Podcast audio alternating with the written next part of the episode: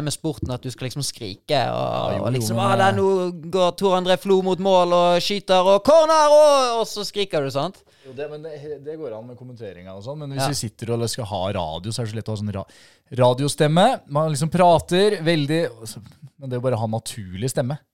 Ja. er sånn du prater til en kompis. Ja, men jeg, jeg tenker jo vi bergensere, vi høres jo sånn ut Ja, uansett. Så vi, vi gjør ikke så til. Da, på en måte, vi er bare sånn.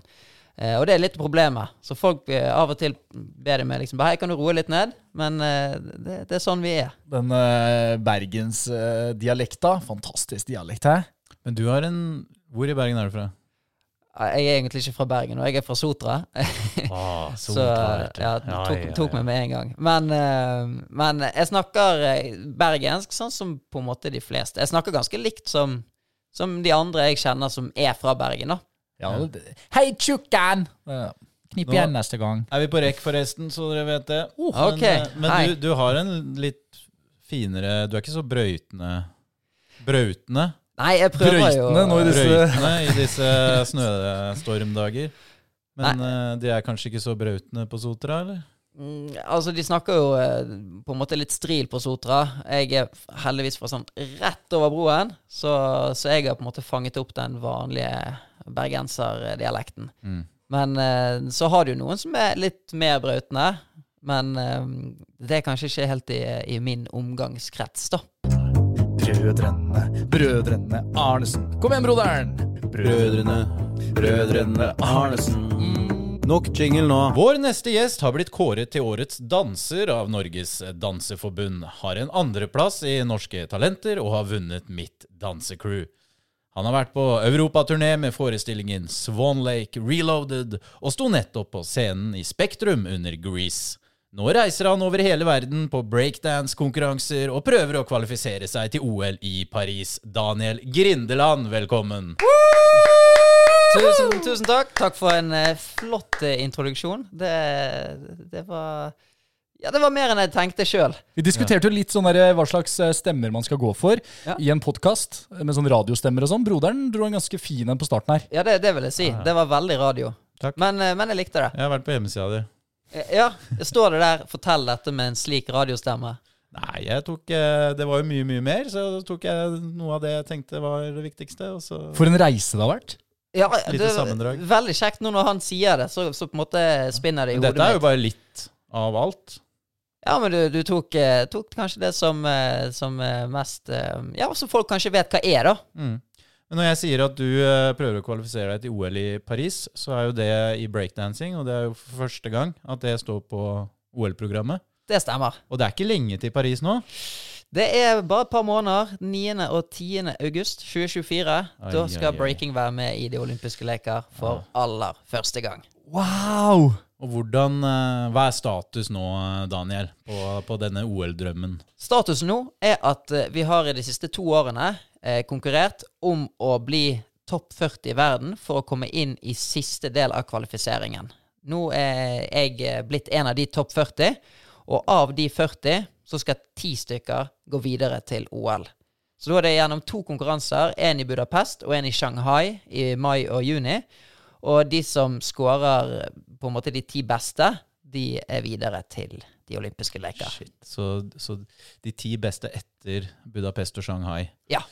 Så da 40 Shit, men skal bli til dere, 10! Stiller dere helt likt nå, før dere begynner på disse to konkurransene? De har ikke lansert eh, akkurat hvordan det skal fungere, så, eh, men jeg tipper at det blir, eh, blir en sånn du, får, du henter poeng fra begge konkurransene, og så de som har de ti med mest poeng, er videre. Ja, ja. Ganske greit. Så alt jeg kan gjøre, egentlig, er bare å trene og bli så god som overhodet mulig. Og så, sånn som reglene blir, det, det får bare være. Men hvis jeg er god nok og er forberedt, så, så skal det gå. Hvordan, hvordan funker det? Kan vi sette det sånn Ja, for det er jo et ekstremt eh, lite nå, et trangt nåløye, og så er det et poengsystem som i hvert fall ikke vi har helt kontroll på. Nei, Hva er det du må gjøre nå for å komme til OL? Det er hva slags For eh, å bli topp ti. denne konkurranseformen? Ok, ja. Så breaking, det handler jo om at du skal, du skal først og fremst lære deg grunnstegene. Sant? Og det er jo greit nok. Men ut ifra det så skal du videreutvikle disse her til dine egne ting. Og lage signaturtriks. Du må ha dine egne bevegelsesmønstre. Du må ha din egen stil. Sånn at hvis du ser meg eller en av de andre 40, eller 39 andre, så skal du, selv om du ikke ser fjesene våre, kunne si OK, det er han, eller det er han. Eh, og så unik skal på en måte stilen din være, og du skal ha dine egne greier. Også det som veldig mange ikke vet, er at eh, vi vet ikke hva musikk vi får i disse her battlene. da. Hæ?! Så vi må jo improvisere der og da. Så mange tror jo at vi lager et sånt program der eh, vi bare kjører fra A til Å, og så er vi ferdig. Ja, det var jeg sikker på. Ja, det er ikke sånn det fungerer. sant? Du får eh, musikk, du vet ikke hva Altså, du står på gulvet, motstanderen din er der borte, som du kanskje ikke vet hvem er før, rett før du skal på, og så kommer musikken. Og da er det kanskje en sang du har hørt før, kanskje en du aldri har hørt før, kanskje det er en du tror du har hørt før, men det er en remix, og så skal du tilpasse ditt repertoar til den. Hender det at du blir skuffa over musikkvalget? Ja, ja, ja, ofte.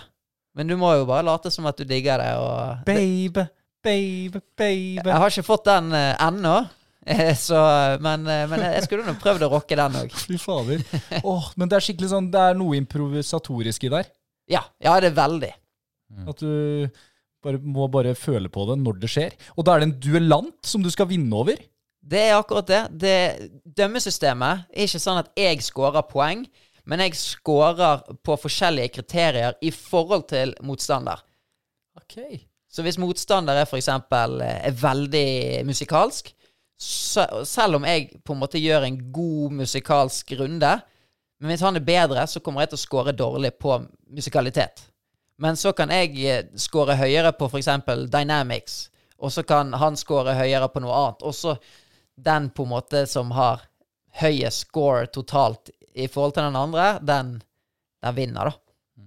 Jeg så jo på da du var med i Var det European Games? Ja. Ja.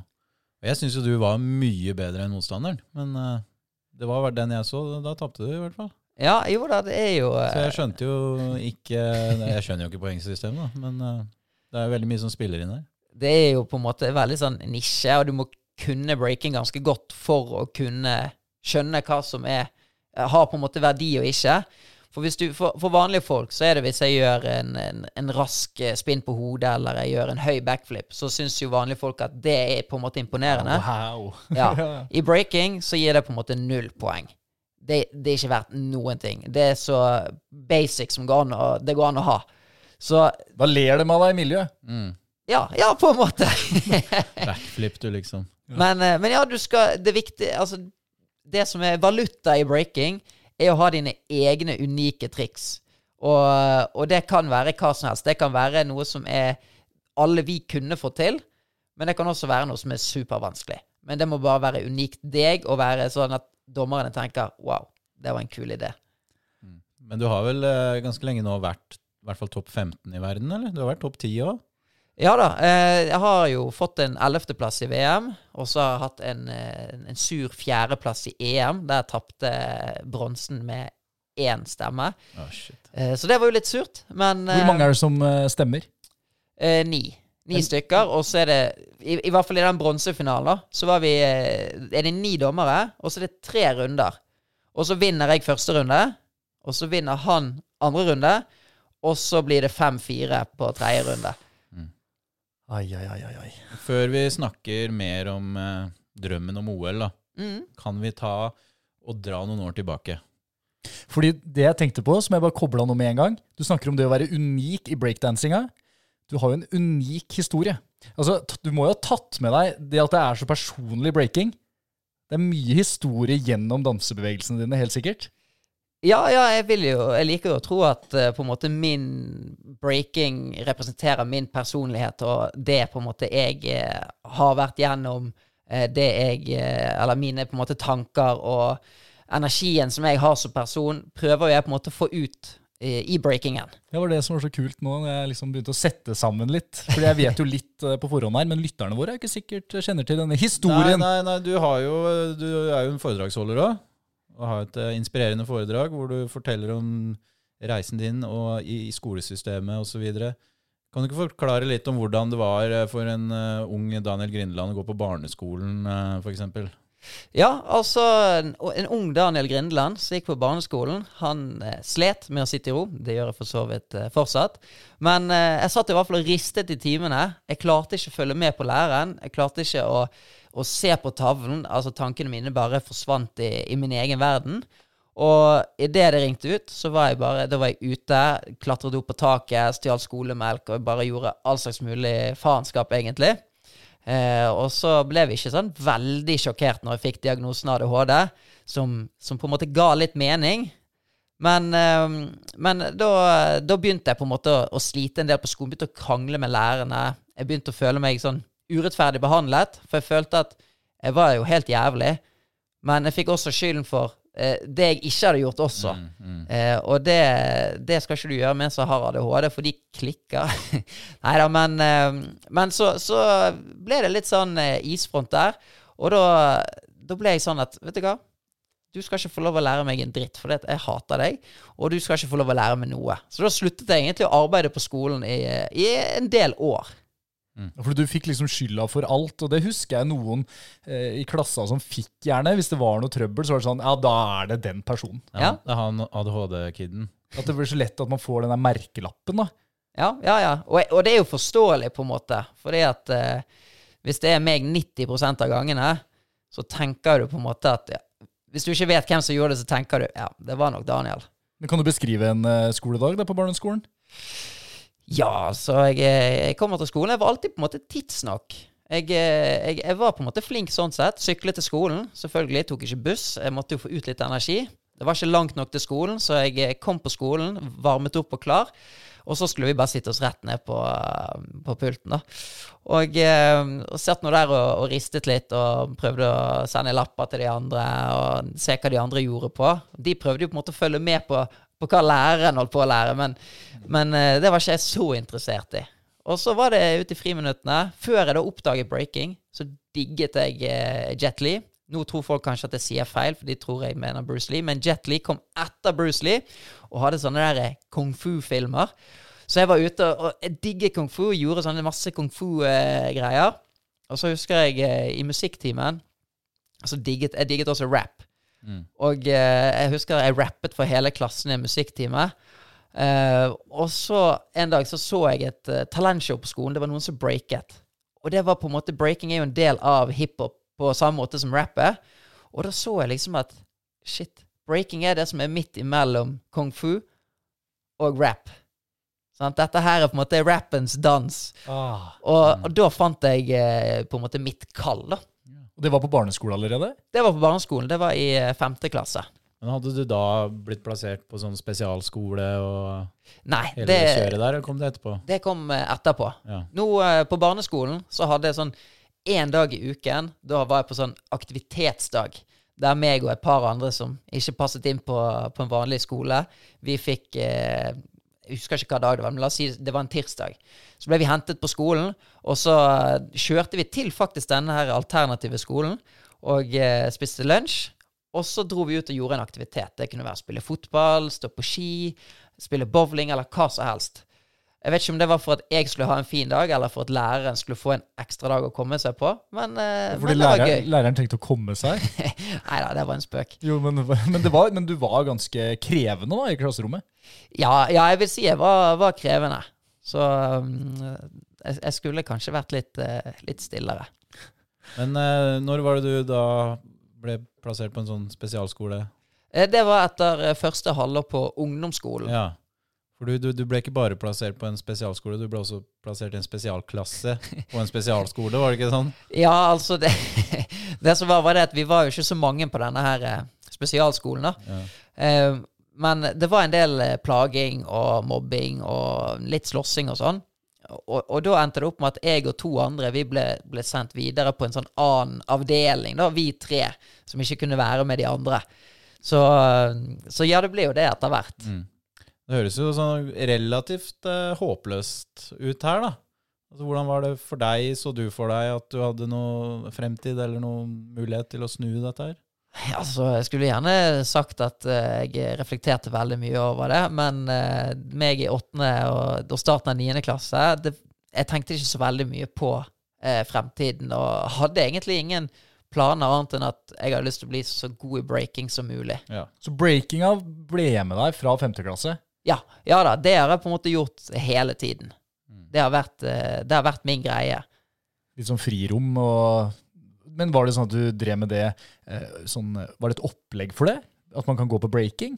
Ja, det var, det var et breakekurs eh, hver mandag og lørdag eh, på Sotra. Så da, da gikk jeg der. Og så trente jeg litt sånn utenom eh, de kursene, for jeg, jeg syntes det var gøy. Og da spurte jeg treneren om jeg, kunne være med de på deres treninger også. Og det fikk jeg lov til. Så da var jeg gjerne eh, på kurs på mandag, og så var jeg eh, i Bergen sentrum på tirsdag, onsdag og torsdag. Kanskje jeg hadde fri på fredag, og så hadde vi ny trening på lørdagen. Og så etter treningen eh, på Sotra så tok vi bussen inn til byen og, og, tok en ny trening der, da. Så det var på en måte Det var breaking det gikk i. Mm. Og bryting på skolen. Breaking på fritida. Men ja, mer bråk, da. Skolen funka liksom ikke? Nei, det gjorde ikke det. Ikke i starten, i hvert fall. Hva syns du om de tiltakene som ble gjort for å på en måte vet ikke, jeg, få kontroll på deg, eller den hjelpa du fikk, på en måte? Hva, I voksen alder, hva tenker du om Altså, det? altså det som eh, Tiltakene som ble gjort eh, på den eh, alternative skolen, da, det var, det var alfa og omega. Det var det som hjalp meg til å, til å finne eh, motivasjon, til å ha lyst til å jobbe og til å kjenne på mestring. De lærerne som jobbet der, de var utrolig flinke og var veldig sånn De ble, de ble på en måte personlige venner, da.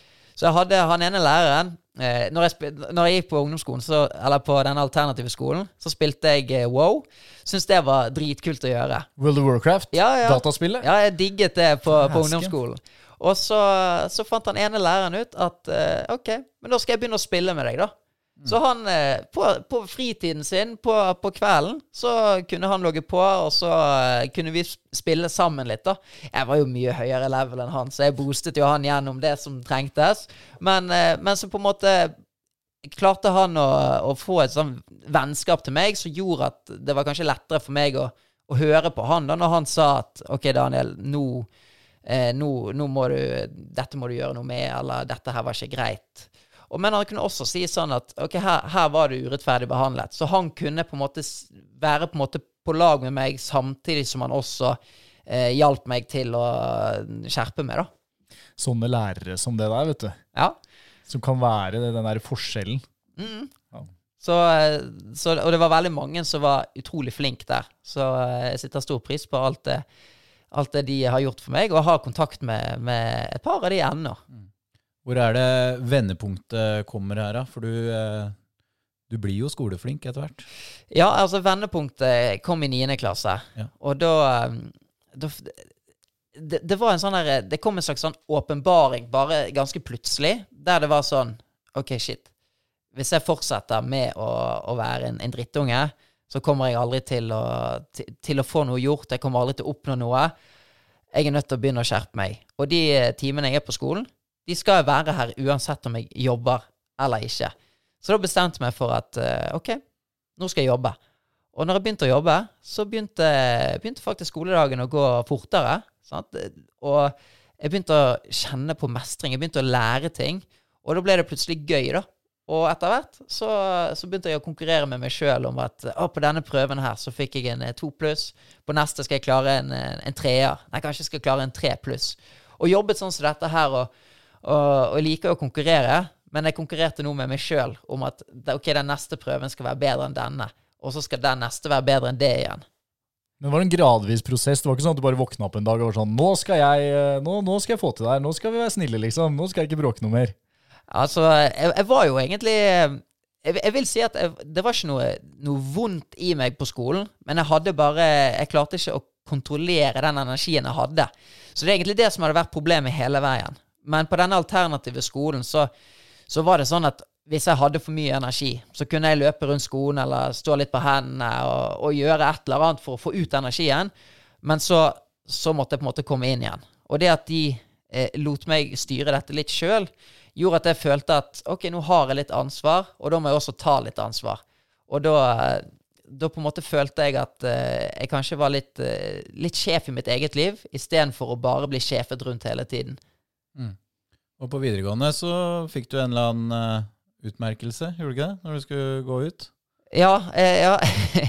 Eh, Student of the year eller noe i den uh, duren der? ja, jeg fikk, jeg fikk en sånn uh, utmerkelse fra, fra Sotra Rotary Club, så det var jo uh, Det var veldig kjekt. Ble du student of the year?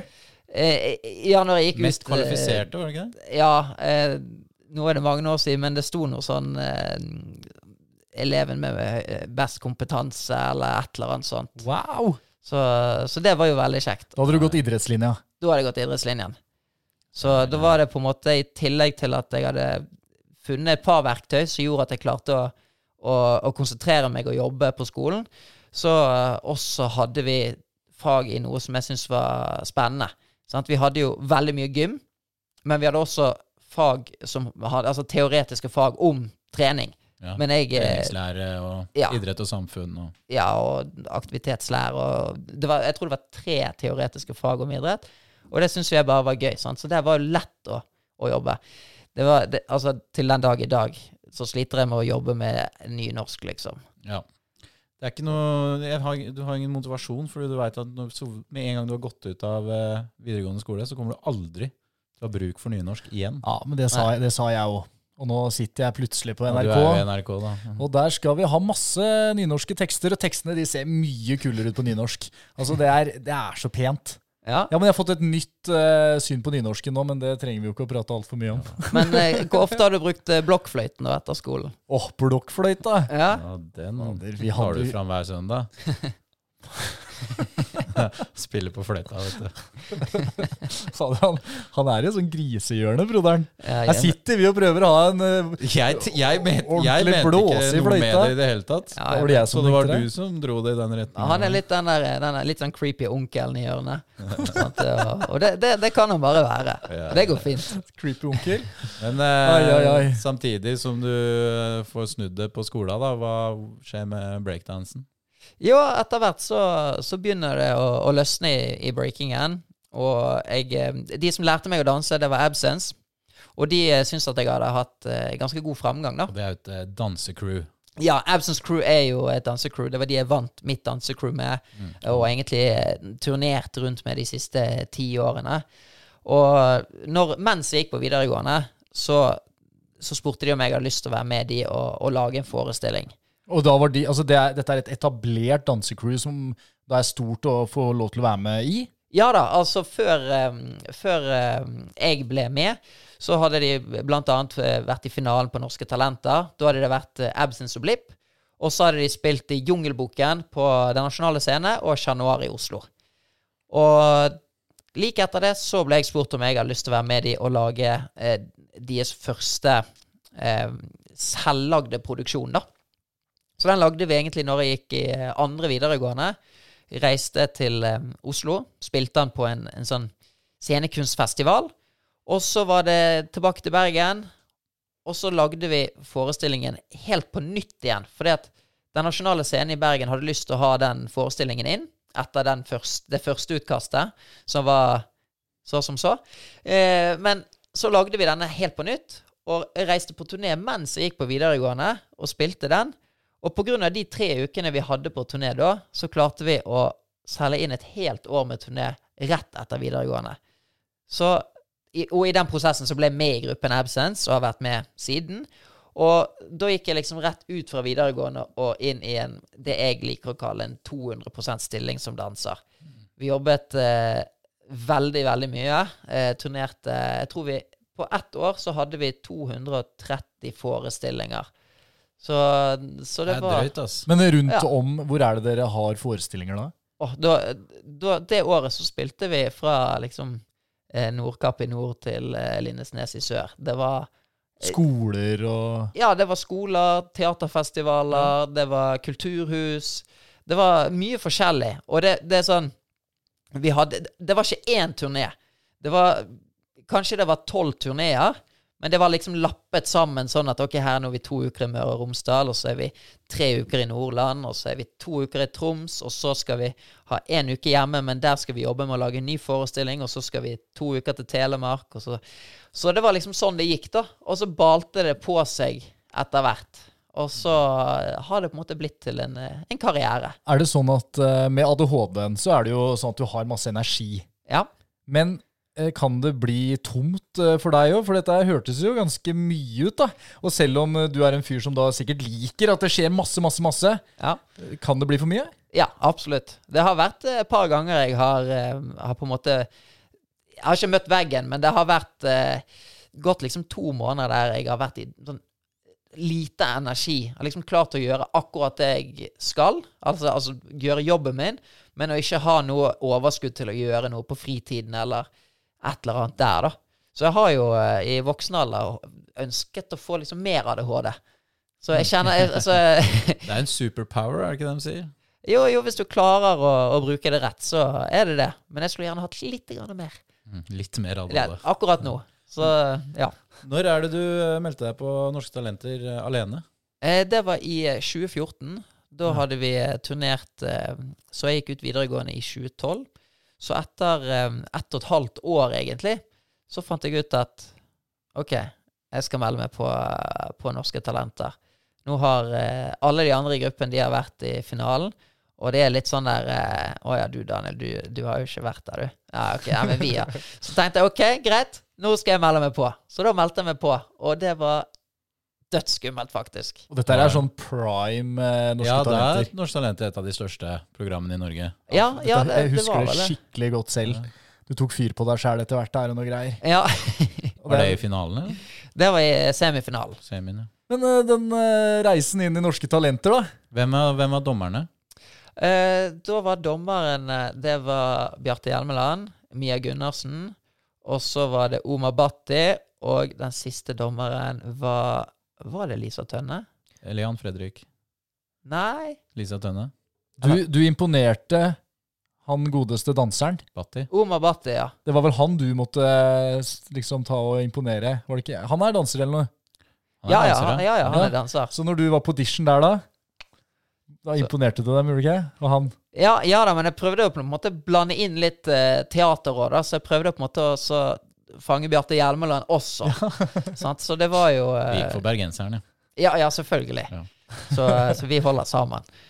Men hvor, hvor nervøs var du før eh, audition? Altså, det var, det var dødsskummelt. Det var jo um, Nå hadde jo jeg um, hatt den reisen fra å være liksom det verste problembarnet til å, til å på en måte begynne å få til skolen, og så skape denne karrieren som, som breaker. Og da, Jeg hadde vært med på Norske Talenter skjønner dere, to ganger før. Oh, ja. Og så hadde jeg gått ut begge gangene. Da hadde jeg vært med, ikke alene, da, men med den gruppen jeg var med i før Absence. Uh, og gått ut på første audition begge gangene. Oi, oi, oi. Og så tenkte jeg ok, hvis jeg er med nå, og jeg går ut på første audition igjen, så, så, så kanskje jeg ødelegger denne her illusjonen om eh, om at jeg har klart å få til dette her med breaking. Fallhøyde, da. Ja, ja det, det kjentes litt sånn ut. Så, men eh, jeg tenkte at eh, Skjerp deg, Daniel. Nå, nå skal du ut på scenen, og så må du levere. Så første, første showet Jeg hadde lagd det ferdig to uker før, eh, før audition. Og kvelden før så var jeg sånn Nei, dette er ikke bra nok. Så da lagde jeg et nytt show kvelden før. Så første audition, det, det, showet der, det lagde jeg, eh, det lagde jeg kvelden før, da. Og, og hva, hva ble det, da? Altså, på en kveld? Ja, men det, det er et eller annet når, når du må, så, så får du en litt sånn der åpenbaring og bare OK, nå er jeg nødt å OK, det, det er nødt til å være sånn, og det må være sånn. Og, og for det, det jeg hadde lagd, var liksom bare jeg satt på en sang, og så breaket jeg, og så gjorde jeg det, det på en måte beste jeg kunne. Men det relaterer jo ikke til andre folk så mye. Sant? Hvis du ser eh, to-tre kule triks, da, så, så er du mett. Eller da ser på en måte alt likt ut. Så jeg måtte prøve å pakke dette sammen inn i en eller annen story. Og, og da prøvde jeg å gjøre det, da.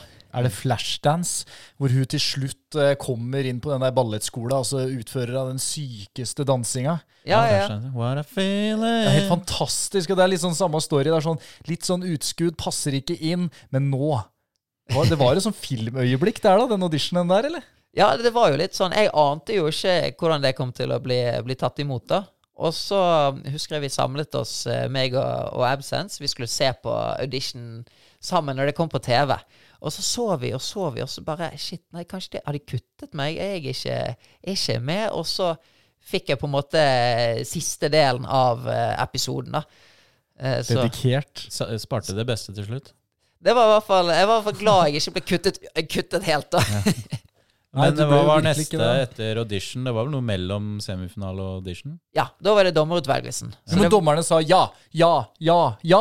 mm, Åh, så det var Kom jo gøy. til finalen, så åpenbart. Så, Så, det var helt rått. så, så, så var det dommerutvelgelsen videre til semifinalen, og da tenkte jeg Nå skal jeg gjøre noe sykt. Noe som ingen har gjort før. Så jeg, eh, det jeg gjorde, var at jeg kjøpte sånn eh, scenemolton, som er altså sånn de svarte sceneteppene. De er brannhemmende. Så sydde jeg en kjeledress av dette her. Og så fant jeg ut at jeg skal tenne fyr på beina mine og breake med det. Så jeg kjøpte en sånn branngelé som jeg da kunne smøre på. Så første gang så så midt på natten uh, ute på Sotra kjørte jeg til en, uh, til en fotballbane. Smurte dette på en T-skjorte og han det på en pinne, og så prøvde jeg å tenne fyr på det, bare for å se hvordan det funket. Ok, det funker. Så neste var at jeg da eh, hadde med en kompis i, i studio. Tente fyr på meg sjøl i studio. Så sto han med sånn vått håndkle som han da skulle hive over meg når jeg eh, stoppet. Eh, testet dette her. Visste dere hva dere drev med, egentlig? Nei, jeg har ikke peiling. Og det var ikke mye HMS. Eh, og Norske Talenter var jo veldig skeptiske til dette her, men eh, fikk nå overtalt de til slutt. Men da leide de faktisk inn han jeg hadde kjøpt dette her brann, denne branngeleen av, så han skulle ha HMS og, og stå der med eh, sånn eh, brannapparat og, hele pakken. Shit. Og det ble show. Det ble, ble show, og det ble brann, og det ble varmt. Ja, var det varmt? Ja, det, det var varmt. Hvor lenge var du i fyr, da? Altså, det eh, ja, kanskje syv-åtte sekunder. Ja. Det er ikke så gale når jeg spinner, men med en gang jeg stopper og reiser meg opp, så går jo på en måte flammene oppover, så da får jeg det liksom opp i trynet. Mm. Så det er da du kjenner det mest. Ja, for det fra beina, ikke sant? Ja. Hvordan fikk du, når du var ferdig med dansen din, hvordan fikk du slokka det? Da reiser jeg meg opp eh, helt Det, det er det siste jeg gjør. da Reiser meg opp helt fremme på scenen, og så kommer de med brannslukningsapparat. Og, Det er en kul måte å gå ut på, da. ja da. Fy faen. Men det er ikke rart du gikk videre derfra. Du, det var, det, var, det var gøy å gå videre. Men problemet var at jeg var helt tom for ideer når jeg kom til finalen. Ja, Du hadde brukt opp det å sette fyr på deg sjøl. det, van det er vanskelig, vet du. Og så kan du ikke bare komme i finalen og breake, for det har du jo gjort allerede. Ja, det var jo... Satt fyr på deg sjøl har du gjort. Hva, hva, hva endte det med? Hva skulle du gjøre i finalen? Nei, da I finalen så hadde jeg egentlig ingen, ingen ideer. Så jeg spurte alle i gruppen min, jeg spurte breaker fra utlandet, og, og på en måte Det var ingen som hadde en idé som jeg følte at dette funket. Så da, da spurte jeg faktisk han eh, magikeren Alex Alexander om han hadde en idé. Og da sa han eh, Han bare ja, hva, 'Hva gjør du i kveld?' Og så var jeg sånn Nei, jeg, jeg er på turné i, i, um, i Sandefjord, og så skal jeg, jeg skal til Portugal i morgen. OK, jeg skal show i Drammen i kveld. Møt meg der. Og så drar jeg til Drammen da, og møter han, ser showet hans, og da har han med seg en sånn eh, Sånn der eh, Hva heter det? Sånn silke som henger ned Tissue. En tissueartist fra Sverige. En tissueartist? Ja, Ja. sånn som danser i en I eh, sånn de slørene. Ja, ja, ja. Så da ender det opp med at vi kjører fra Drammen til Tønsberg. Eh, går inn på et sånn, eh, sånn gammel eh, industribygg. Henger opp en tissue i taket. Og så sier hun OK, nå skal du gjøre dette. Så begynner jeg å klatre i den. Og så er hun sånn Ser hun på Alex, og så er hun sånn Ja, dette skal vi få til.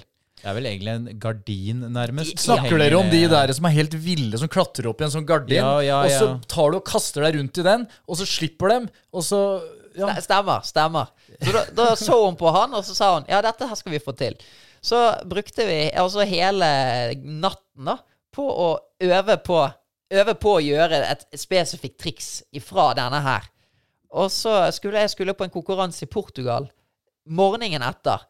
Så da sov jeg på sofaen hans i, i to timer i Tønsberg, før jeg da hoppet på sånn 06-toget til Gardermoen, og så flydde til Portugal, konkurrerte, flydde tilbake igjen, og så var det å prøve å sitte sammen i showet. Dette var to uker før eh, finalen, da. Alex Alexander, tryllekunstneren. Stemmer. Han tar du kontakt med, og han har tilfeldigvis en tissue-artist liggende eller klar.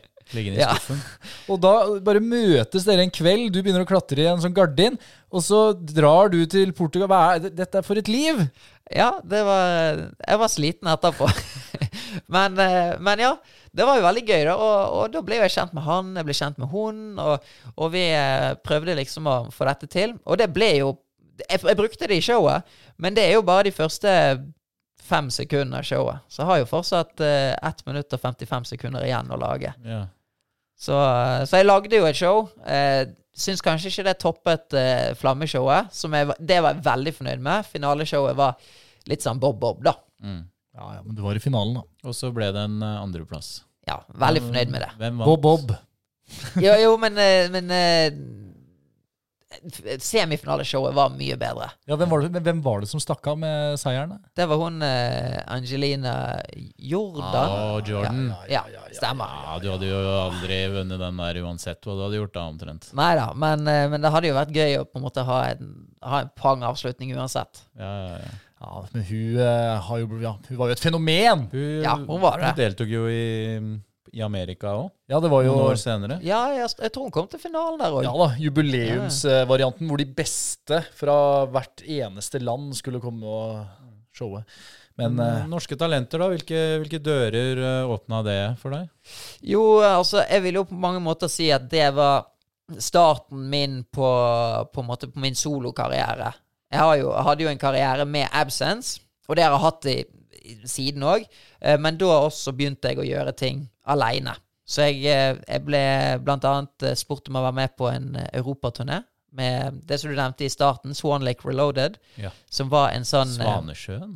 Svanesjøen. Da danset vi til eh, Tsjajkovskij eh, rundt i, eh, i hele Europa. Så det var jo, eh, det var jo veldig gøy. Men ikke ballett, da, for det var sånn remake. Det var litt kulere variant. Ja, altså, jeg gjorde breaketriks, men jeg vil ikke si at jeg gjorde breaking. Det var mye Det var koreografi til en del klassisk musikk. Så, så det var jo en Det var jo selvfølgelig utfordrende. Jeg lærte masse nytt.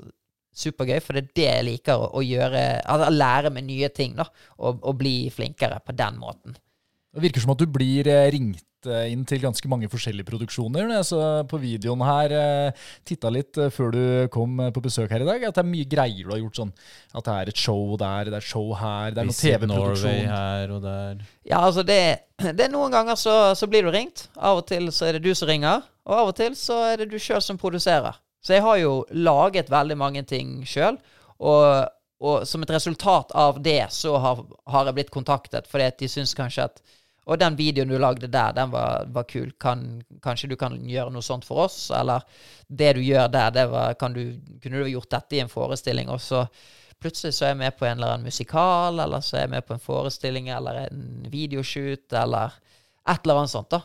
Så det er jo veldig spennende. Man vet jo aldri Når året starter, så har jeg litt jobber booket, men jeg vet jo aldri hva jeg på en måte nytt og spennende skal gjøre i starten av hvert år eh, noen gang. Men det er en stund siden Norske Talenter nå. Ja da, nå er det jo faktisk ti år. Så da på de ti årene så har du gjort mye greier. Ja. Du har jo reist veldig mye over hele verden, egentlig. Det har vært, eh, det har vært mye reising. Ja.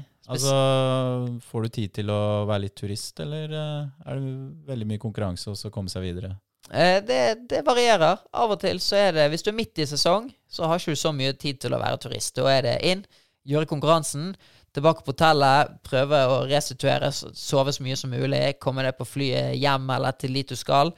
Men hvis det er på slutten av sesongen Ok, nå er vi ferdig med årets siste konkurranse. Nå tar vi to dager her og, og, og sjekker ut. Så jeg var jo nettopp i Hongkong på, på, på en måte siste del av kvalifiseringen for å komme inn i de topp 40 mot OL. da. Og da hadde vi noen dager etterpå der vi tok båten til Macau og dro dit og sjekket ut eh, litt forskjellige street food-steder i Hongkong og, og fikk liksom oppleve ja, disse to landene. Hva er det feteste stedet du har vært? Oh, det feteste stedet. Sånn. Eh, jeg, Feteste plass. Okay, i- Eller det mest minneverdige minnerike? I, I fjor så var første eh, verdenscupen i fjor var i Japan. Eh, og den og, og, og på en måte Japan var Det var helt sykt. Så jeg endte opp med å bare reise tilbake igjen en gang til i løpet av uh, året i fjor. Så, så jeg vil si Japan. Ja. Så har jo Sør-Korea også eh, dødskult. Brasil har vært kult. USA er jo alltid morsomt. Så, og Hongkong var jo også veldig gøy. Men eh, du snakker om verdenscupen i breaking. Ja. Men eh, da på denne tiårsreisen fra Norske Talenter og til i dag, Mm. når var det du starta å konkurrere? Jeg har konkurrert hele tiden. Ok, Så man, du har alltid gjort det? Ja, altså Jeg har alltid likt å gjøre breaking som show, eller som en forestilling, eller scenekunster generelt. Men jeg har alltid syntes at det ultimate er å battle. Fordi at når du lager en forestilling, så kan du, hvis det er noe du ikke mestrer, eller noe sånt, så jobber du rundt det og, og på en måte viser kun frem ditt beste. Men når du konkurrerer, da må du være god. Da, du, kan, du kan ikke gjemme det bak noen ting. Du kan ikke ha noen rekvisitter eller noe sånt. Da er det, det er liksom den ultimate testen på er du god å breake. Det Hjelper ikke å sette fyr på seg sjøl. Nei. Det funker ikke i en battle. Mm. Og så er det jo penger å tjene der òg, på å vinne. Ja, men eh, det er ikke Jeg vil ikke si at det er nok til at eh, det er noe Jeg vil ikke si at det er en god nok grunn til å satse på det. Mm. Da ville jeg heller blitt i Norge og gjort eh, shows. Men Er det landslag? Ja, det er landslag. Ah, så du er på landslaget da i breaking? Hvor mange er dere? Vi er Oi, nå spør du godt. Vi er syv stykker. Du kan arrestere meg på det. Nei, jeg skal ikke arrestere deg. Men uh, i uh, 2018 da, så ble jo breaking annonsert. Ja. Som eh, Altså, da skulle det på OL-programmet i Paris i høst. I 2024. Stemmer. Hvordan endra ditt fokus seg da? Nei, da gikk jo det fra å være jeg jobber som en breaker eh, på, på scener og på shows og den type ting, til å være en breaker som jobber for å bli god og konkurrere, for å komme seg til OL. Så da måtte jeg si nei til, til alt, eller ikke alt, men så mye som mulig, og prøvde å velge vekk det som er minst relevant for min utvikling som breaker. Så siden egentlig 2018 så har jeg sagt nei til veldig mye for å ha muligheten til å satse mot, eh, mot OL. Ja, for du lever jo da egentlig som en toppidrettsutøver. Ja. Med eh, stipendiat på Olympiatoppen. Ja. Så, så det har jo vært eh, en prosess, da. Man har jo når, når det nettopp ble lansert, så var jo det fortsatt at jeg jobbet en del som breaker, og, og så trente jeg så mye jeg kunne utenom. Og så etter hvert som jeg har fått litt resultater og, og blitt flinkere, og sett at oi, dette her kan gå, så har jeg på en måte tørt å, å på en måte ta vekk mer og mer eh, jobb. Og nå har jeg nesten ikke noe arbeid. eh, Jeg har sagt nei til nesten alt som har kommet eh, nå det neste året, da. Mm. Nå er det kun ett mål. Ja. Men føler du at fallhøyden er der igjen, eller? Nei, egentlig ikke. Fordi at jeg har, Før så har jeg alltid sagt at, vi pleier, at Norge er like god i breaking som vi er i fotball. Men det funker ikke lenger. Uh, for nå har vi Erling Braut Haaland, vi har Martin Ødegaard og disse her. Men Norge er ikke en breakenasjon. Det er litt som at, uh, litt som at en fra, fra La oss si et land i Afrika uh, kommer langt på, på ski. Det er ikke sånn at de skal være gode på ski, sånn som på en måte vi i Norge. Sant? Så, så jeg føler at uh, i breakermiljøet sånn internasjonalt så er jeg en litt sånn underdog, for jeg er fra en, en nasjon som ikke er god i breaking. Så Men du må jo ha satt Norge litt på kartet, da? det har jo blitt det nå, da. Vi er jo to utøvere fra Norge som har reist veldig mye de siste årene, som har, har, har fått representert og vist at hei, du, vi, vi kan breake her, vi også. Så, og, og det å være i, i topp 40, det er, det er på en måte det jeg er fornøyd med.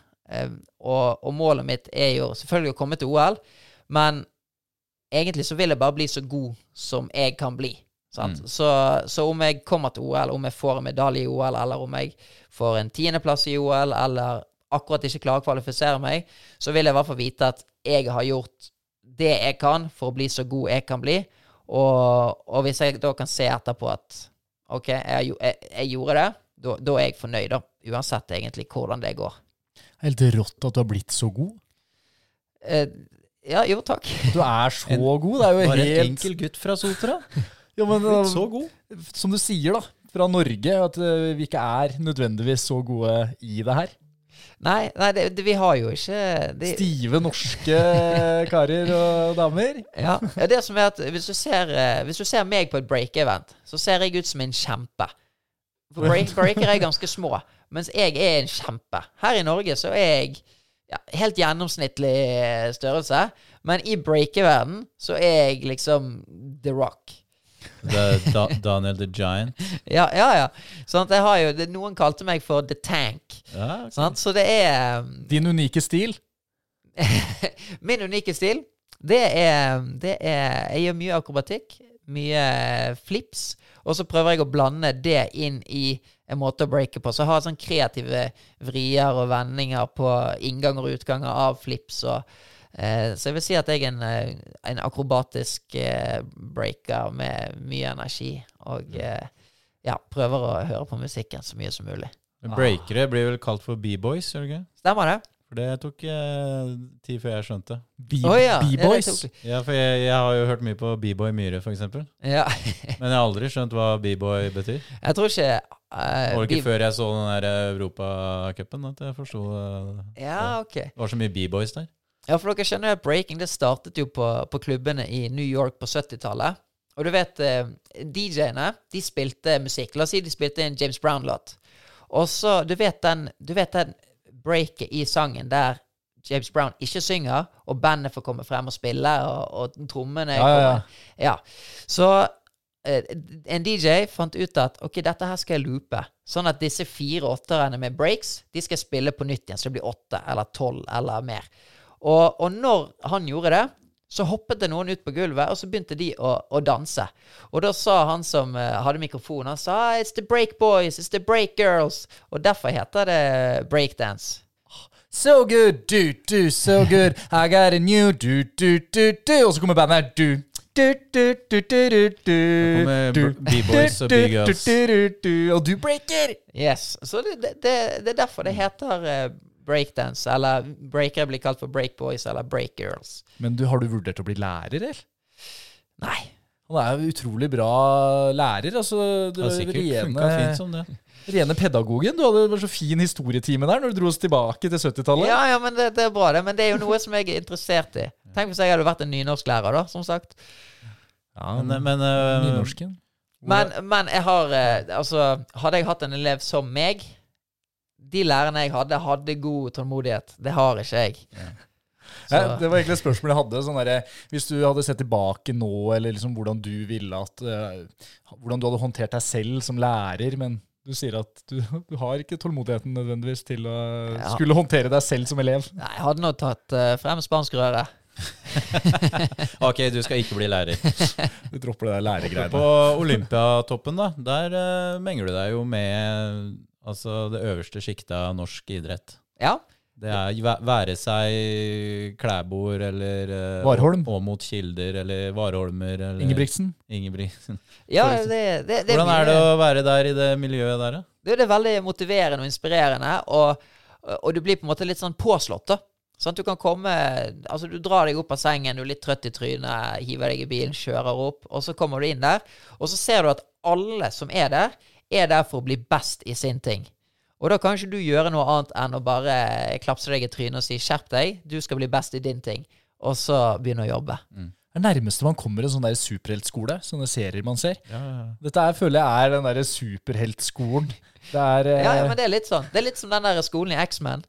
Så ser du liksom Ok, her er en som hopper dødshøyt, og her er en som løfter mer enn en menneske burde klare å løfte, og her er en som kan ro lenger enn eh, til Danmark. Skjønner du? The Boys. Hvordan er eh, stemninga oppå der, da? Når, når, er en det, super! når det står en sånn verdensmester her og en europamester der og en olympisk mester der, er det bare sånn helt casual, gutta slår av en prat? halla, Karsten, hvordan går det?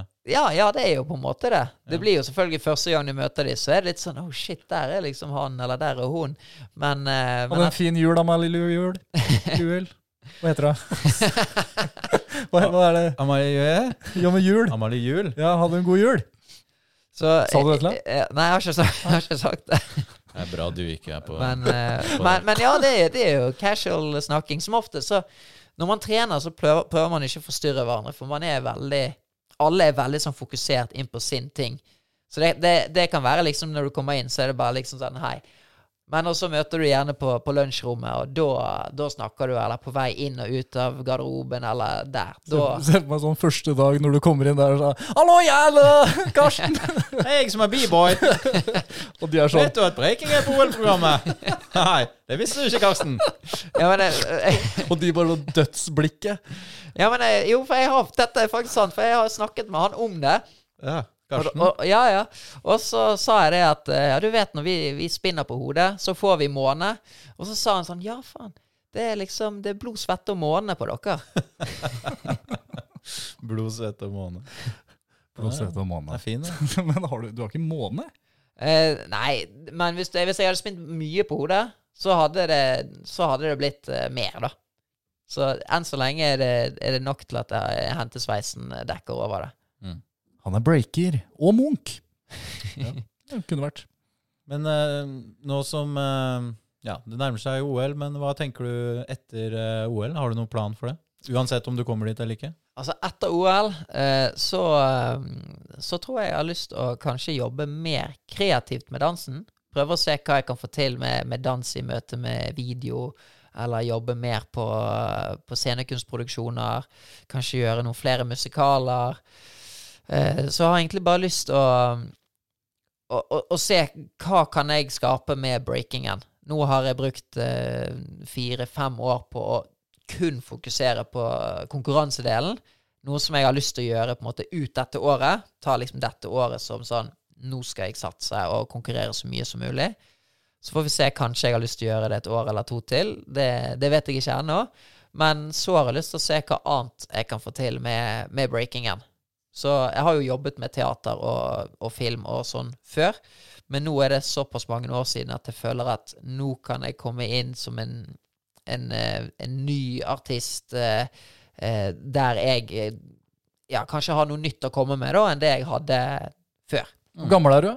Nå er jeg 30. 30? ja. Er det sånn at man må slutte en gang, eller? Med breaking sånn konkurransemessig? Sånn som med fotballspillere? Nei, det, det er jo ingen, ingen tid man må slutte. Han ene i, i topp 40 på vei til OL, han er 38. Hey. Så han er fra Sør-Korea, han er en av favorittene.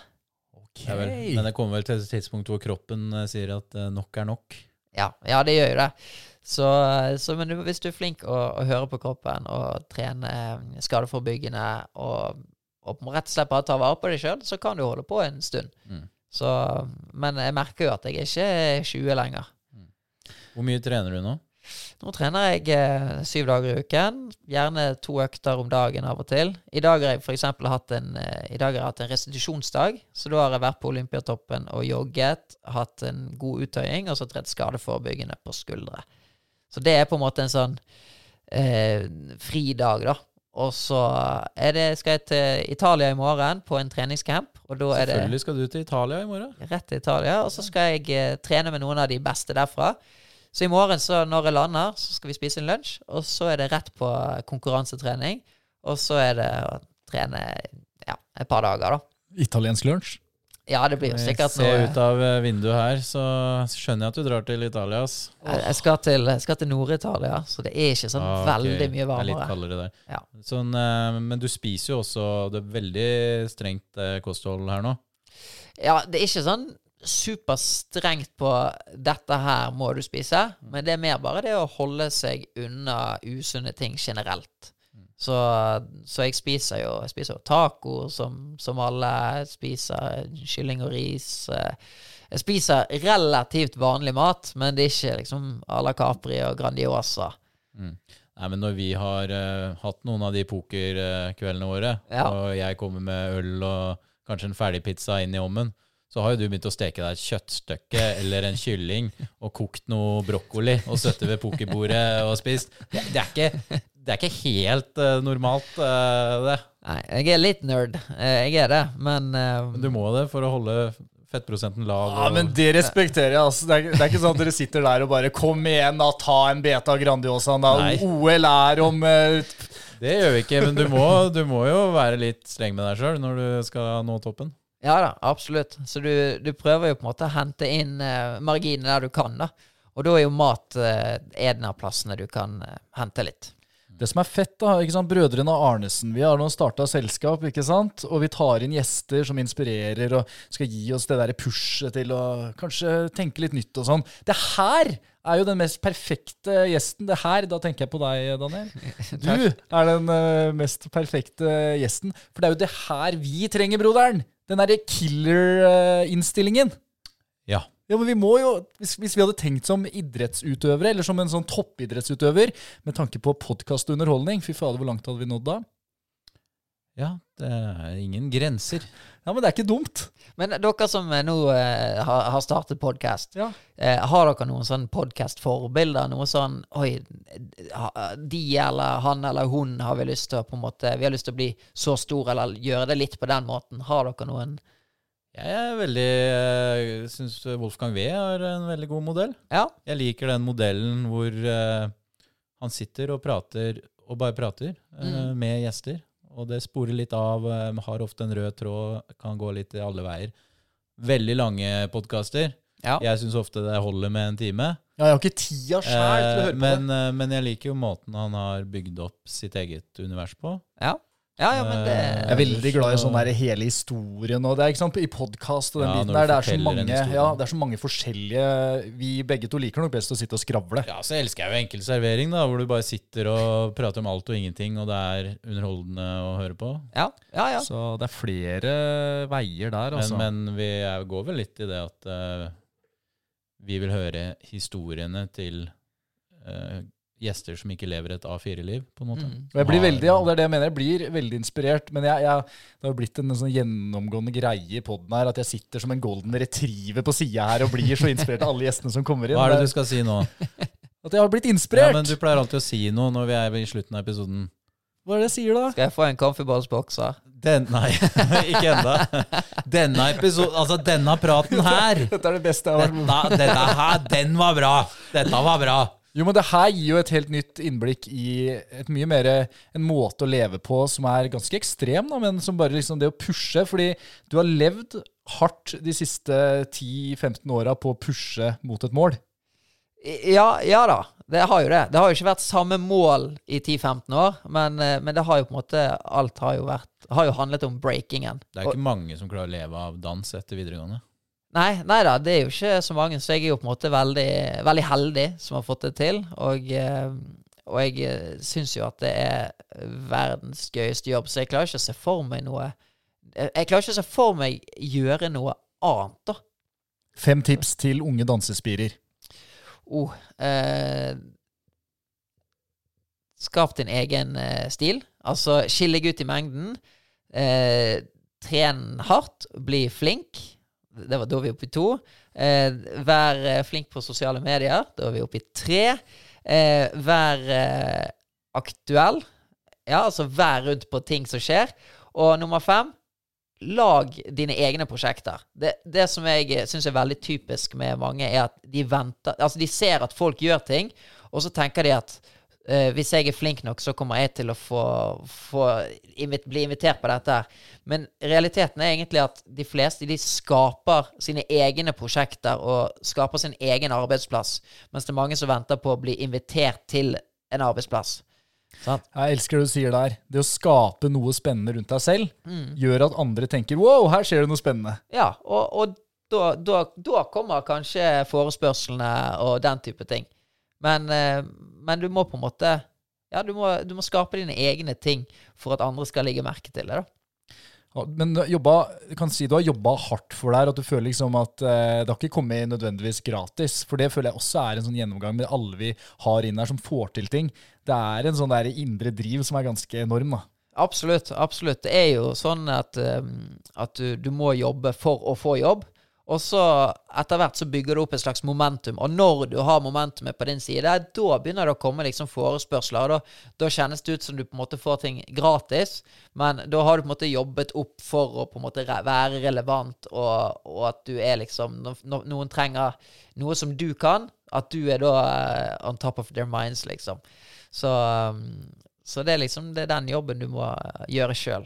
Selv om vi driver på i forskjellige Ja, det er jo underholdning på mange måter, da. Selv om nå er du retta litt mer mot konkurranse, da. Men det også er jo underholdning da, for oss som skal se på. OL er jo, eh, OL er jo bare et eh, underholdningsshow for, for alle som ikke er utøvere sjøl, da. Det er jo mange, likhetstrekk da, som jeg ser inn mot det vi også driver på, bare at vi kanskje ikke er like ekstreme. Ja, men uh, da skal vi kanskje takke for at du tok deg telefon, tid til der. å komme hit, uh, Daniel. Det er en telefon som ringer. Takk for at uh, ja, da må vi ta, må ta telefonen. er det din? Ja. Nei, men vi, vi er jo fornøyd, vi. Ja, Om vi er fornøyd? Ja, jeg er inspirert, da. Ja, Kjempebra. Slutter alltid med at jeg er inspirert, og så er du litt sånn paff.